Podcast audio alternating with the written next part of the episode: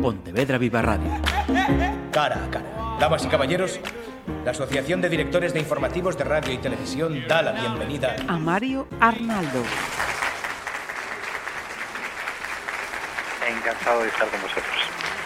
Ponemos la atención en este cara a cara en las ITVs o en los conductores, profesionales o no, porque todos pasamos la inspección técnica de, vehículos.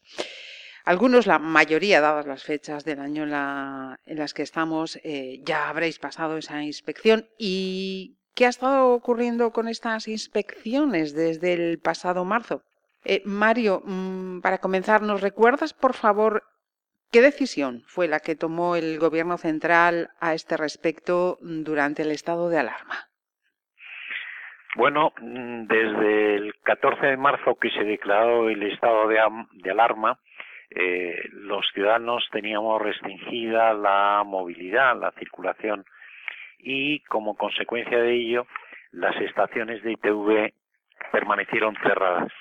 No se podía ir ni siquiera para cumplir una obligación legal, que es la de pasar la inspección técnica de vehículos, no se podía acudir a los centros de eh, a los centros de inspección.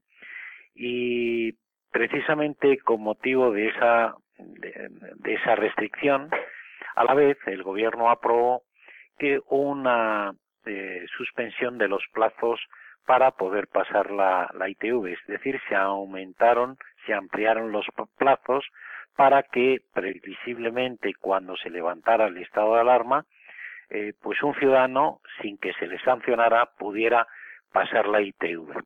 El problema y la sorpresa de esta medida, que nos pareció razonable y además celebramos porque era lógico que si yo no puedo cumplir una obligación legal, no se me sancione y se me dé prórroga, se me dé más plazo para poder cumplir con esa obligación, pero esa medida tenía una letra pequeña que se convirtió de algo positivo en algo muy negativo para los ciudadanos, para los usuarios. Y es que es verdad que se nos había aumentado, se nos había ampliado el plazo para pasar la ITV, pero cuando pasábamos la ITV, el plazo para la siguiente, para fijar la siguiente inspección, no se computaba desde la fecha en que yo he ido, he ido y me han dado positivo la inspección, sino que me tenían en cuenta aquella en la que yo tuve que haberla pasado.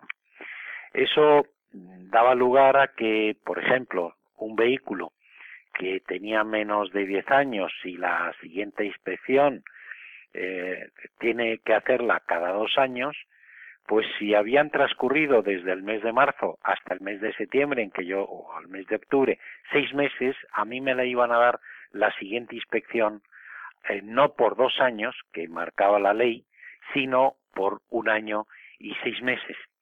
Pero es que esto, especialmente en los mm, vehículos industriales, en las furgonetas, en los camiones, y especialmente en los que tenían más de diez años, se daba la situación paradójica de que una persona que tenía que pasar o que hoy pasaba la inspección y daba resultado positivo, resulta que una vez que terminaba la inspección le decían, espere, usted ha pagado esa inspección y es positiva, pero ahora se va a dar otra vuelta para pasar una segunda inspección y pagar una nueva tasa.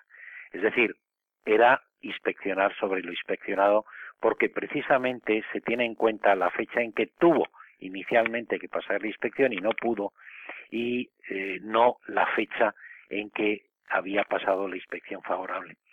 Eh, esto, primero, mm, supone un contrasentido porque eso no tiene nada que ver, no había razones de seguridad vial ninguna. Es decir, oiga, si usted acaba de comprobar que mi vehículo está bien, lo que no tiene sentido es que me diga que vuelva a pasar otra vez la inspección. Eh, eh, no tiene sentido. Y además tampoco tenía sentido y había un tratamiento discriminatorio incluso para los automovilistas incumplidores. Piense, por ejemplo, a alguien que antes de, de la declaración del estado de alarma, de antes del 14 de marzo, tenía que haber pasado la inspección y no la pasó. Si él la vuelve a pasar el mismo día que yo, ahora en septiembre o en octubre, eh, ¿qué ocurre? Pues que a él sí le dan el plazo y le computan el plazo desde que pasa la inspección favorable y a mí no me la dan, eh, me dan por menos tiempo.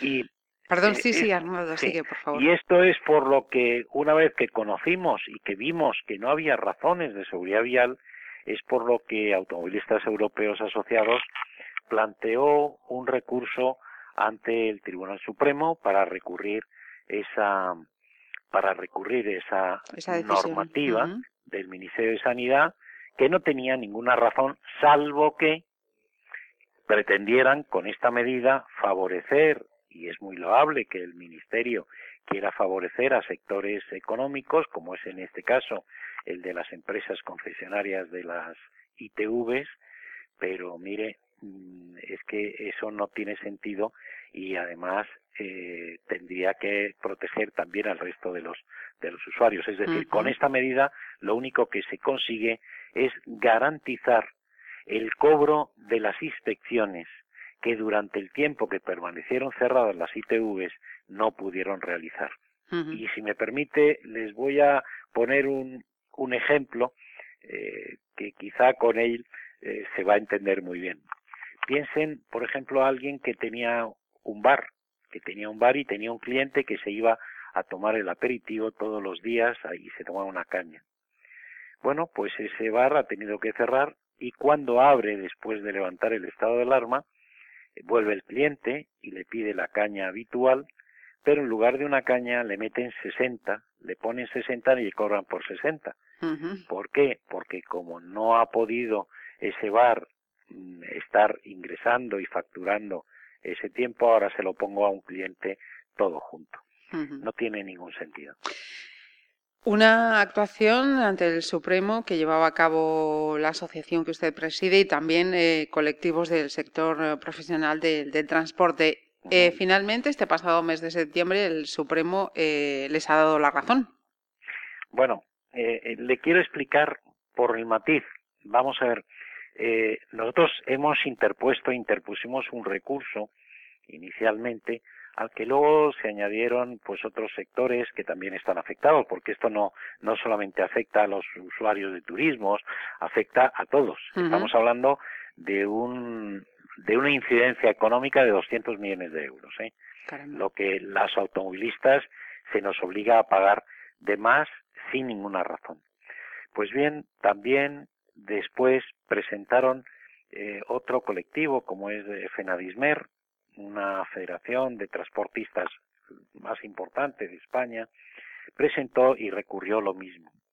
Nosotros mantuvimos una, una comunicación con ellos y nos comentaron, porque cuando presentas un recurso, eh, cuando el Tribunal Supremo suele tardar tiempo en decidir definitivamente sobre el fondo de la cuestión y muchas veces pueden pasar meses o años incluso antes de que el Tribunal Supremo pues se pronuncie definitivamente. Y eh, la experiencia que nosotros tenemos, porque era una cuestión, podíamos haber pedido una suspensión cautelar. Es una medida que, entre tanto, tarda el Supremo en resolver, entre tanto eso ocurre, eh, se puede pedir una suspensión cautelar para que esa medida, de momento, como medida cautelar, quede en suspenso. Nosotros creímos oportuno no suspenderlo porque esto tiene un riesgo, y le explico. Eh, si te dan la razón, como en este caso al recurso de Genadismer, le han dado la razón en esa medida cautelar, pero todavía queda el fondo de la cuestión, queda eh, definitivamente el, Tribunal Supremo se tiene que pronunciar para que definitivamente anule la, la normativa. La normativa de sanidad. Pero de momento ha dicho, mire, entre tanto lo analizamos, vamos a suspenderlo y de hecho hoy eh, ya los ciudadanos eh, está suspendido y los, la fecha que le tienen que poner es la fecha eh, para la siguiente inspección se computa desde la fecha en que él pasa la inspección, favorable. Entonces, nosotros vimos que eso tiene un riesgo. Fíjense, tiene un riesgo porque si no te dan esa, no te aceptan esa medida cautelar, resulta que la gente cuando sale en los medios de comunicación sale, el Tribunal Supremo rechaza pues el ciudadano cree que es que han rechazado el recurso. No, no, han rechazado la medida cautelar solicitada.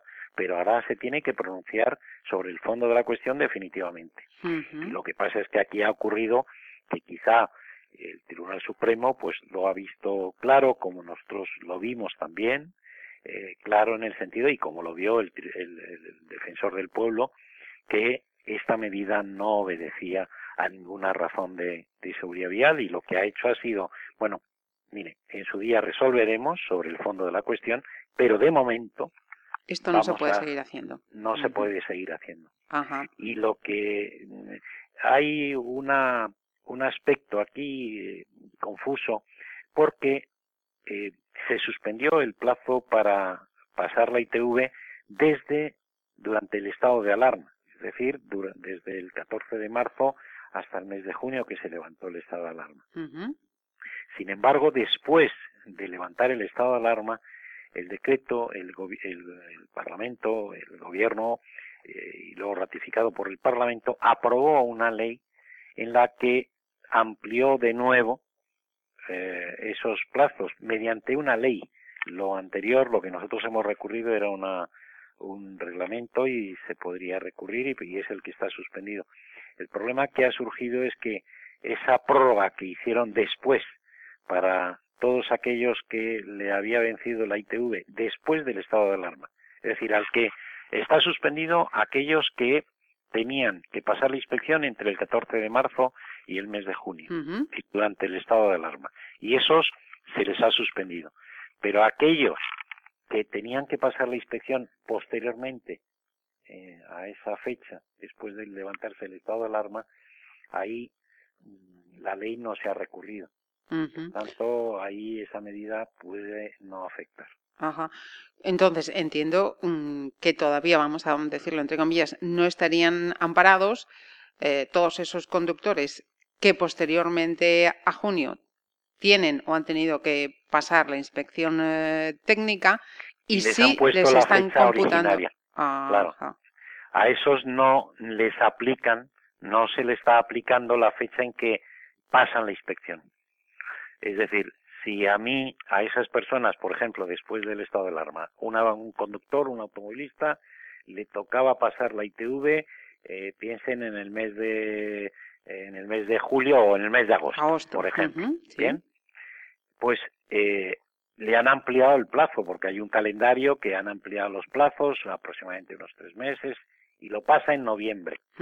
Pues ese que le tocaba en agosto pasar la ITV y eh, lo ha pasado en noviembre, la siguiente inspección no se la van a computar desde noviembre, sino se la van a computar desde el mes de agosto.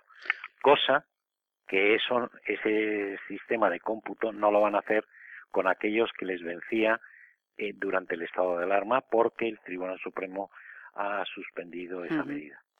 Mm, bien, sí, siguiente paso entonces. Eh, ¿qué, puede hacer el, el, ciudadano del primer caso y el ciudadano de esta segunda tesitura?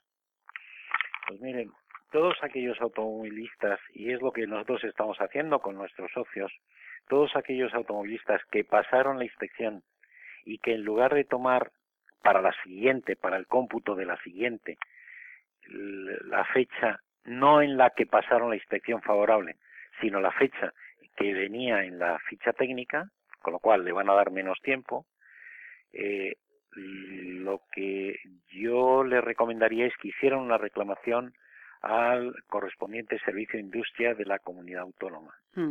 Es decir, hagan la reclamación por escrito. Que le pondrán 20.000 excusas, oiga, esto es lo que decía la norma del Estado, nosotros, la comunidad no tiene. Bueno, hagan la reclamación por escrito. Y porque aquellos que eh, después de que el Tribunal Supremo ya decretara la suspensión, a esos verán que en su ficha técnica sí le han computado ese plazo desde la fecha en que fue favorable la inspección, no la que tenía puesta la ITV. Por tanto, esas personas que les han puesto menos plazo del que tenía que pasar, el plazo ordinario. En el caso de turismos, los vehículos de más de 10 años son cada, cada año, los de entre 4 y 10 años son cada dos. Bueno, pues esas personas, si les han puesto menos de ese plazo, yo les recomiendo que planteen la reclamación eh, precisamente para que cuando el Tribunal Supremo dicte sentencia definitiva, y como esperamos será favorable, tendrán que rectificar esa fecha y tendrán que aquellos que les han obligado a pasar incluso cuando se pronuncia el Supremo a varias inspecciones sin tener que haber eh, con, acortando el plazo pues incluso pedir la devolución de las tasas que, le han cobrado duplicadamente. Eh, entonces, eh, entiendo, corrígeme si estoy entendiendo mal, esto para aquellos que tenían esa ITV entre marzo y junio, pero los que tendrían o la hayan pasado mm, después de, de, junio, esos ejemplos que ponía, por ejemplo, de agosto, no tendrían de momento ningún amparo. De momento no, porque quiero aclarar que así como lo anterior, lo que se declaró durante el estado de alarma, esa tenía carácter reglamentario, lo que se aprobó después tenía rango de ley y ningún ciudadano, ninguna entidad como automovilistas europeos asociados puede plantear una, un recurso contra una ley. ¿eh? Solamente cabe recurso ante el Tribunal Constitucional y el que está legitimado eh, son los diputados, el defensor del pueblo, eh, pero una entidad como automovilistas europeos no puede recurrir esa una norma con rango de ley. Ha habido una proposición de no de ley que han planteado eh, algunos partidos, algunos grupos políticos, como el Partido Popular, eh, para precisamente pidiendo que esa ley que se aprobó y que establecía que el cómputo tenía que ser eh, no el de, la fecha actual, sino la fecha en su día, cosa que acortaban los plazos, pues eso fue rechazado en el, en el Congreso. Por tanto, lo único que cabe es que pues los que están legitimados para ello, yo no sé si el defensor del pueblo, porque ya hizo un informe muy bien motivado, muy bien eh, muy bien argumentado, pudiera plantear ese recurso de inconstitucionalidad para que eh, quede sin efecto esa, esa medida. Pero aquellos que pasaron la inspección después de la declaración del estado de alarma, esta medida en principio jurídicamente no la afecta. O sea que nos van a seguir metiendo la mano en el bolsillo, Mario. Pues eh, es probable, ¿no? No tiene mucho sentido que a unos sí y a otros no y que incluso, que es el argumento en que nosotros hemos basado el recurso, porque veíamos que había una indefensión muy grande para los automovilistas. Aquí eh, yo comprendo que es muy legítimo que se quiera proteger el interés de sectores, como puede ser de las ITVs, empresas concesionarias, pero no puede ser a costa del usuario. Y fue precisamente por esa razón la que nosotros lo vimos claro desde el principio y presentamos un recurso en defensa de todos los automovilistas, no solamente de nuestros miembros, de nuestros socios que son los que financian nuestras actuaciones, sino de todos los automovilistas. Estoy hablando de que si nos dan la razón en ese recurso, habremos ahorrado a los automovilistas españoles 200 millones de euros. Lo decía antes, efectivamente, 200 millones eh, de euros. Eso tened en cuenta los que estáis escuchando solamente a, ese periodo de marzo y junio. Empezarán a sumar los que, los que vienen luego. Pues eh, nos lo ha explicado perfectamente Mario Arnaldo, presidente de la Asociación de Automovilistas Europeos Asociados. Esto es eh, lo que hay. Mario, muchísimas gracias por atendernos. Un cordial saludo. Pontevedra Viva Radio. ¿Me permiten que les haga un comentario como espectadores del programa Cara a Cara? Según un reciente sondeo de mercado, Ustedes disponen de estudios e inteligencias superiores a la media. Sus intereses abarcan desde la actualidad mundial y la ciencia hasta el deporte y los espectáculos.